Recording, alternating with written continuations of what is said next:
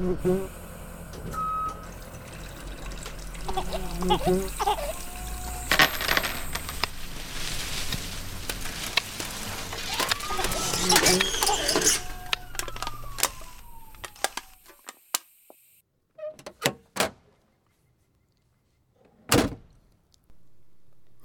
til Yrkesfagpodden, en podkast fra Kompetansesenter for yrkesfag ved Institutt for yrkesfaglærerutdanning ved Oslo OsloMet. Her tar vi for oss ulike perspektiver ved fag- og yrkesopplæringen. I dag skal vi prate om håndbok for medarbeiderdrevet innovasjon i omsorgsarbeid. Din Amble, professor på Institutt for yrkesfaglærerutdanning ved Oslo OsloMet. Hva slags håndbok er dette? Det er en håndbok som er laget av de ansatte på fire arbeidsplasser i kommunal helse- og omsorgsarbeid. Um, og det er laget i et forskningsprosjekt som er finansiert av Forskningsrådet. Uh, og det handler jo om at vi Og det å spre kunnskap, erfaringsbasert kunnskap, det er ikke så greit. I hvert fall ikke hvis du skal gjøre det gjennom akademiske artikler. For det leser ikke folk på arbeidsplassene. Så når vi liksom da promoterer og jobber for godt arbeid, bra arbeid, så er det en, å lage en håndbok, og at de ansatte selv får være med, de som har erfaringen, og lage håndboken. Det har vi, vi som jobbet i forskergruppen, erfaring for virker. At dette er en håndbok som da skulle kunne ta opp på en hvilken som helst arbeidsplass og starte med medarbeiderdrevet innovasjon. Hva er egentlig medarbeiderdrevet innovasjon? Ja, si det. Du, det er eh, en veldig lang og god eh, tradisjon i norsk arbeidsliv og de har brukt sånne slogan som 'verdiskaping gjennom medvirkning'. Og det er hjemlet i lov- og avtaleverket at du som arbeidstaker har både rett og plikt til å få lov til å påvirke, og du forventes at du bidrar til å utvikle eget arbeid, egne arbeidsoppgaver. Og En eller annen gang på 2000-tallet så tok de nordiske fagforeningene et initiativ for å jazze opp, kanskje, den tradisjonen med litt nye ord. Og medarbeiderdrevet innovasjon er egentlig eh, en utvidelse av dette begrepet bred medvirkning i utviklingsarbeid. Så det handler om at de som har skoen på og vet hvor den trykker, skal få lov til å bidra med sine ressurser til å forbedre eget arbeid. De skal ikke bare levere en idé til en innovasjon, de skal også organisere selve prosessen for å prøve ut og gjennomføre innovasjonen i praksis. Og da betyr det, mange kaller det sosial innovasjon, arbeidsplassbasert innovasjon er et annet begrep, og noen kaller det organisatorisk innovasjon. Eh, men det er medarbeiderdrevet innovasjon. Så med den håndboka så kan vi bare kjøre i gang med innovasjonsarbeid på arbeidsplassen? Ja, og jeg tenker jo at, eh, og det erfarte vi også, at veldig mange når vi begynner å diskutere, kjenner seg igjen. Dette er sikkert mange ting plutselig vil si ja, men dette driver vi jo med, egentlig. Men det er også å få litt mer systematikk rundt det. Og tenke at dette er viktige ting, og dette er faktisk innovasjon. Så når det er snakk om innovasjon i offentlig sektor eller innovasjon i omsorgsarbeid, så skal folk vite at det er det vi egentlig holder på med når vi hele tiden utvikler og forbedrer eget arbeid. Kan du i grove trekk beskrive den systematiske utviklingsprosessen? Ja, altså Det står jo ni punkter da, på første side, og vi har jo fått streng beskjed av de som har vært med på å lage håndboka, at de ni punktene skal stå først. Vi hadde satt dem bakerst som en liksom avslutning. Men det er altså helt enkelt dette å innkalle til et møte med de som du føler har lyst til å bidra, informere på riktig måte og legge opp en sånn litt systematikk over et halvt år, hvor man samler ideer, prioriterer ideer og evaluerer dem og endrer og modifiserer. Så det er ni enkle punkter. Men så utdypes det litt videre med tips og råd og hva vi har erfart bakover i boken. Hvem er det som skal lede, eller hvem leder en sånn prosess? Må man ha inn forskere, eller hvordan tenker dere dette? Ja, det Tanken er at dette skal kunne gå uten forskere. Men vi har jo lurt, da, eh, om det går. Vi har jo i faser av denne forskningsprosessen tenkt kanskje vi burde lage noe nettverk i kommuner hvor de har en institusjon eller en virksomhet som har vært med på medarbeiderdrevet innovasjon. At de blir en form for superbrukere av håndboken, og at man liksom organiserer noe rundt en sånn type arbeidsplass, og sprer det gjennom håndboken til andre arbeidsplasser. Men tanken er at det skal kunne gå fra praksis til praksis uten forskere. Har jeg skjønt det riktig hvis eh, dette også egentlig går utafor ledelsesleddet, eller eh, hva, hva tenker dere der? Vi tenker at det er veldig viktig, og det har vi erfaring for gjennom de praktiske erfaringene vi har hatt når vi utviklet håndboken. Det er at det er forankring, forankring, forankring. Og det handler om å snakke med leder, og det handler om å snakke med tillitsvalgte, og det handler om å snakke med de ansatte. Sånn at det på mange måter, det å starte opp medarbeiderdrevet innovasjon uten å ha med seg formelle og uformelle ledere på arbeidsplassen, det er ingen god idé. Så det er veldig viktig å ha med lederne. Eh, og så skal jo lederne være ganske kloke, da. For de må jo holde fingrene litt av fatet og ikke bli forstyrrende, men heller ikke for tilbakelente. Så for lederne handler det om å se nytten av det, og så dytte og dra akkurat passe, mens de ansatte selv prøver ut eh, innovasjoner i praksis. Så hvis jeg ser behov for uh, at vi kan gjøre noe annerledes på min arbeidsplass mm. uh, som vanlig ansatt, hva, hva, er ditt råd til meg som framgangsmåte for å få i gang en endringsprosess da? Da ville jeg i første omgang snakket med lederen min. Så ville jeg funnet noen gode kollegaer, partnere, makkere. Det er viktig å være flere enn én. Og så ville jeg funnet et møte hvor alle var til stede, og så ville jeg på mange måter tatt det derfra.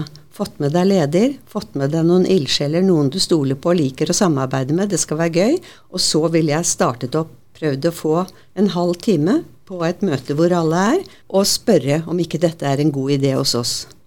Hvordan sikrer jeg at dette blir en uh, demokratisk prosess, og ikke en sånn uh, 'jeg er kjempelur, så dette gjør vi alle sammen', og så blir jeg sur hvis ikke andre blir med? Ja, vi har jo utviklet en del. altså for det I denne tradisjonen som kalles den norske modellen, og som tidligere har blitt kalt verdiskaping gjennom medvirkning, så er det liksom ett begrep som er litt sånn hellig, og det er demokratisk dialog. Og det å få til demokratisk dialog på arbeidsplasser, det er ikke så lett. Så i denne håndboken så har vi også utviklet noen verktøy, noen hjelpemidler som gjør at du får noen tips og råd og veiledning i forhold til hvordan du kan arrangere demokratiske dialoger på egen arbeidsplass. Og gjennom det komme til en form for, ikke nødvendigvis konsensus, men komme til en beslutning som på mange måter de som har vært til stede, føler er forankret i den diskusjonen dere har hatt. Det står eh, at boka er utvikla i samarbeid med ansatte i den kommunale helse- og omsorgstjenesten. Mm. Har håndboka en overføringsverdi til andre bransjer, eh, industrier og offentlig virksomhet? Ja, det var en av forskningsspørsmålene. Vi ønsket jo å trekke det inn i eh, lærerutdanninga her på Oslo OsloMet, på yrkesfaglærerutdanninga. Og vi har jo prøvet den ut på yrkesfaglærerne, og vi har også studentene på yrkesfaglærerutdanninga, men vi har også prøvd den ut på lærerspesialistene. Det er altså lærere på videregående som er inne til videreutdanning. Og de har fått lov til å prøve verktøyet. Så selv om det står helse- og omsorgsarbeid på håndboken, så har de fått lov til å prøve den på egen arbeidsplass, på egen videregående skole. ikke sant? Og det som vi på mange måter har prøvd å si, det er at eh, det er én ting som er felles når du jobber som lærer, og når du jobber i omsorgsarbeid, og det er det at du jobber med ansikt i ansikt, kontakt med et menneske, emosjonelt arbeid, relasjonelt arbeid, sånn at det er mange overføringsverdier i de to typene arbeid. Da. Og vi ser jo at de ni punktene foran i boka, de tar lærerne til seg, og de greier å bruke verktøyene, og de har faktisk tatt boka og gått ut i egen praksis og gjort det. Det ser vi nå. Uh, hvor, mange, hvor, mange, kommuner er det som bruker håndboka sånn systematisk? Har dere noe idé om det? Det har vi jo ikke, vet du. Og nå ligger den jo gratis på nett. Både i en sånn mobilapp for smarttelefon og for PC. Uh, og selv så har jeg jo reist rundt for sånne læringsnettverk i KS eh, nytt blikk og snakket om medarbeiderdrevet innovasjon, så vi har egentlig ingen oversikt over det, hvordan dette sprer seg nå, for nå ligger det fritt og tilgjengelig. Fagbladet har skrevet om det, så du ser at det blir tatt opp her og der. Så Det vet vi ikke, aner vi ikke, men vi er jo veldig foroverlent i forhold til å promotere, da. Så vi er på en del konferanser og, og, og snakker om det. Også fagdager for lærere, f.eks. har vi vært, og på Delta-konferansen for yrkesfaglærere har vi vært. Kan du beskrive noe av arbeidet som ble gjort som hadde resultert i håndboka? Hvordan gikk dere fram for å, for å få til dette prosjektet? Ja, for å være med i prosjektet, forskningsprosjektet, så må den enkelte arbeidsplass ha hatt et utviklingsprosjekt, et innovasjonsprosjekt. Uh, og innovasjonsprosjektet har samtidig vært en del av et studieprogram, sånn at uh, de som var med i prosjektet, også fikk uh, kompetanse. Både på bachelornivå, på masternivå eller i form av en deltakerbevis. Hvor mange kommuner deltok i forskningsprosjektet? Det var fire kommuner som ble valgt ut, og det var 80 deltakere i forskningsprosjektet. Og de har da utført uh, et utviklingsarbeid på egen arbeidsplass som dere har uh, eh, henta data ifra, da? Ja. Eh, og, og, nå, altså hvis du tenker på utviklingen av håndboken, så fikk de på den første samlingen i studieprogrammet, så fikk de utlevert en kladd som lå i deltakermappen. Og på neste samling, hvor de hadde startet eget utviklingsarbeid, innovasjonsarbeid, så fikk de i oppgave å lese og fortelle om sine erfaringer knyttet til, eh, til uh, håndboken. Og da erfarte vi jo at det var ingen som hadde lest håndboken, men vi fikk veldig mange erfaringer for hvordan de hadde gått frem.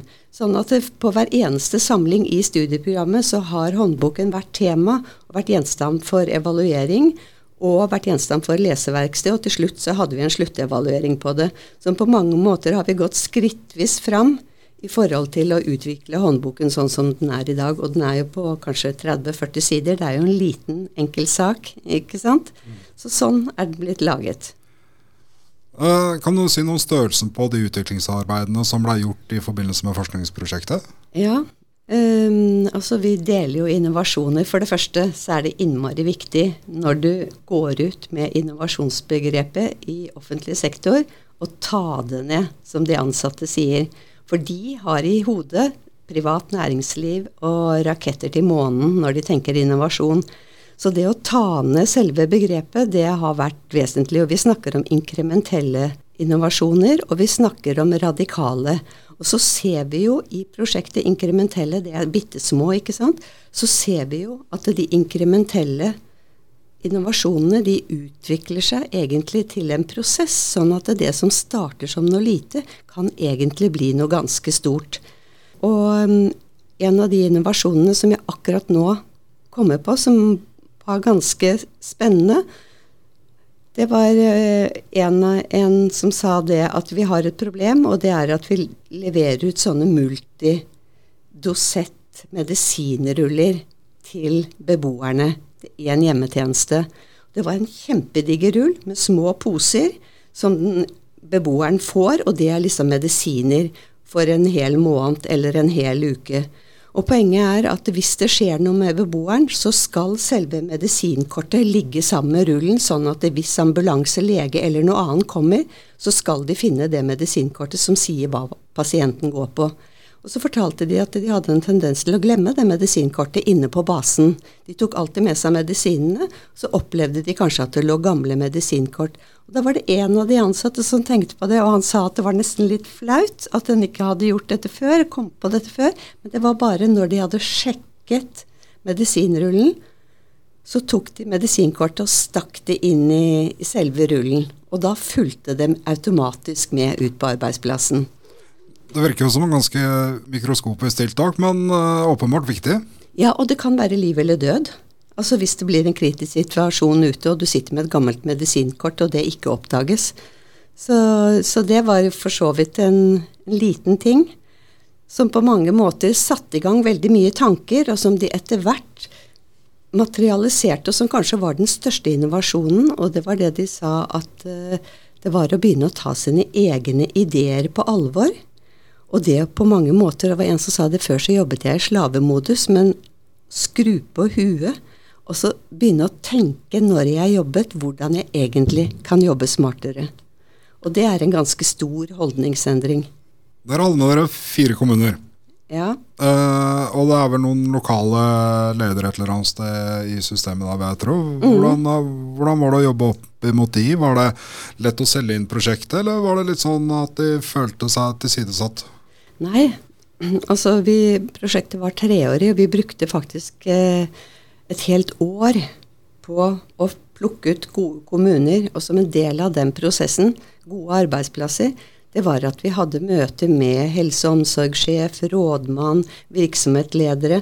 Så vi var egentlig veldig bevisst på at vi skulle velge ut arbeidsplasser som hadde det vi kaller utviklingspotensialet. Og en av de kriteriene er at eh, leder, hovedtillitsvalgt og plasstillitsvalgt samt alle de ansatte ønsket å være med i prosjektet. Sånn at vi sikret oss at vi hadde lederne med, og at de virkelig ville det. Da er jo sjansen for at prosjektene faller i grus eh, ganske mye mindre også. Ja. Uh, gikk alt helt bra? Var, var, alt en suksesshistorie i arbeidet? Nei, det var det jo ikke. Det, det er jo mange men, men, så på mange måter Altså det som um, i første omgang kan se ut som en fiasko, det kan jo snu seg til en suksess hvis man tør å prøve en gang til. Og det er det en av arbeidsplassene har sagt at selv om vi ikke får det til første gangen, så kanskje vi får det til andre gangen. Så de har fått litt mer sånn mot og styrke til å prøve flere ganger. Og vi ser jo også at ledere både har vært for ivrige, gått for fort fram og bestemt over hodet på folk, sånn at de har måttet gå to skritt tilbake. Og det er jo også en veldig god erfaring, dette at man prosesser går kanskje litt sånn to skritt frem og ett tilbake. Og liksom å få justert den tanken om at alt er eh, skritt på skritt, og det går liksom helt lineært frem til et resultat, er også egentlig veldig interessant. Uh, men det er ingen av kommunene som har uh, stoppet opp. Og vi har prøvd på mange måter, selv om vi sier at vi har 18 innovasjoner i prosjektet, og noen er ganske store og omfattende, så har vi på mange måter prøvd å tenke at det er den demokratiske dialogen og arbeidsformen medarbeiderdrevet innovasjon som noe varig, noe mer enn et prosjekt, som på mange måter er suksesskriteriet. Og vi tror jo kanskje at uh, to av arbeidsplassene vil fortsette med det, mens andre kanskje vil stoppe opp etter hvert. Det vet vi ikke. I boka så, så står det at uh, håndboka er ei kakebok. En oppskrift på å bake ei kake. Kaka vi skal lage, er en forbedring eller innovasjon, mens oppskriften er framgangsmåten. Er virkelig håndboka så enkel å forholde seg til? Ja, og jeg tror at eh, hun som sa det, jeg husker henne veldig godt, hun skulle forklare for en kollega hva de egentlig skulle lage. Uh, og, det var, uh, og, det er veldig lett for folk når du sier medarbeiderdrevet innovasjon, så tenker de på innovasjonen altså kaka. Du skal lage en ny form for sjokoladekake, ikke sant? Og hvordan ser nå den ut? Mens det som er hele poenget med håndboken, det er jo at du skal fortelle om prosessen fram til denne nye sjokoladekaka. Og det å tenke at det er framgangsmåten som er, hånd, er, er håndboka, ikke sjokoladekaka. Og det, det var og så er det sånn kvinnespråk, ikke sant. Hun tok jo ordet til seg og gjorde det om til det som damer skjønner. Det er jo 80% damer i denne sektoren. Så det var en Det gikk et lys opp for hun som fikk denne forklaringen. Det var en oppskrift de skulle lage, ikke en beskrivelse av selve kaka. Men da, da, da, Samtalen med deg nå, så har jeg lært at uh, innovasjon det handler ikke bare om romfartsteknologi. Hvis man skal ha et utviklingsarbeid, så må det være demokratisk og forankra, gjerne med tillitsvalgte og ledelsen. Mm. Og det trenger ikke også være store prosjekter. Og så må det være systematisk. Ja. Har jeg glemt noe? Og det har du. Men, men, men, men, jeg tror hvis vi begynner der, så er det veldig bra. Og det med systematikk, det er, er kjempeviktig, altså. Så, og dette er at, at du må gjøre ting om igjen. Prøve og feile. Ja, du nevnte mot i stad. Så, mm. så, så, selv om det går gærent, så, så ha mot til å prøve en gang til. Ja. Kjempeviktig. Er det noe mer du vil legge til, Nina? Nei, altså jeg kunne snakke om dette i en time til, men jeg tror dette er veldig bra. Ja, så godt. Eh, ønsker du mer informasjon om denne episoden og håndbok for medarbeiderdrevet innovasjon, så finner du lenker på KSY www.oslomet.no.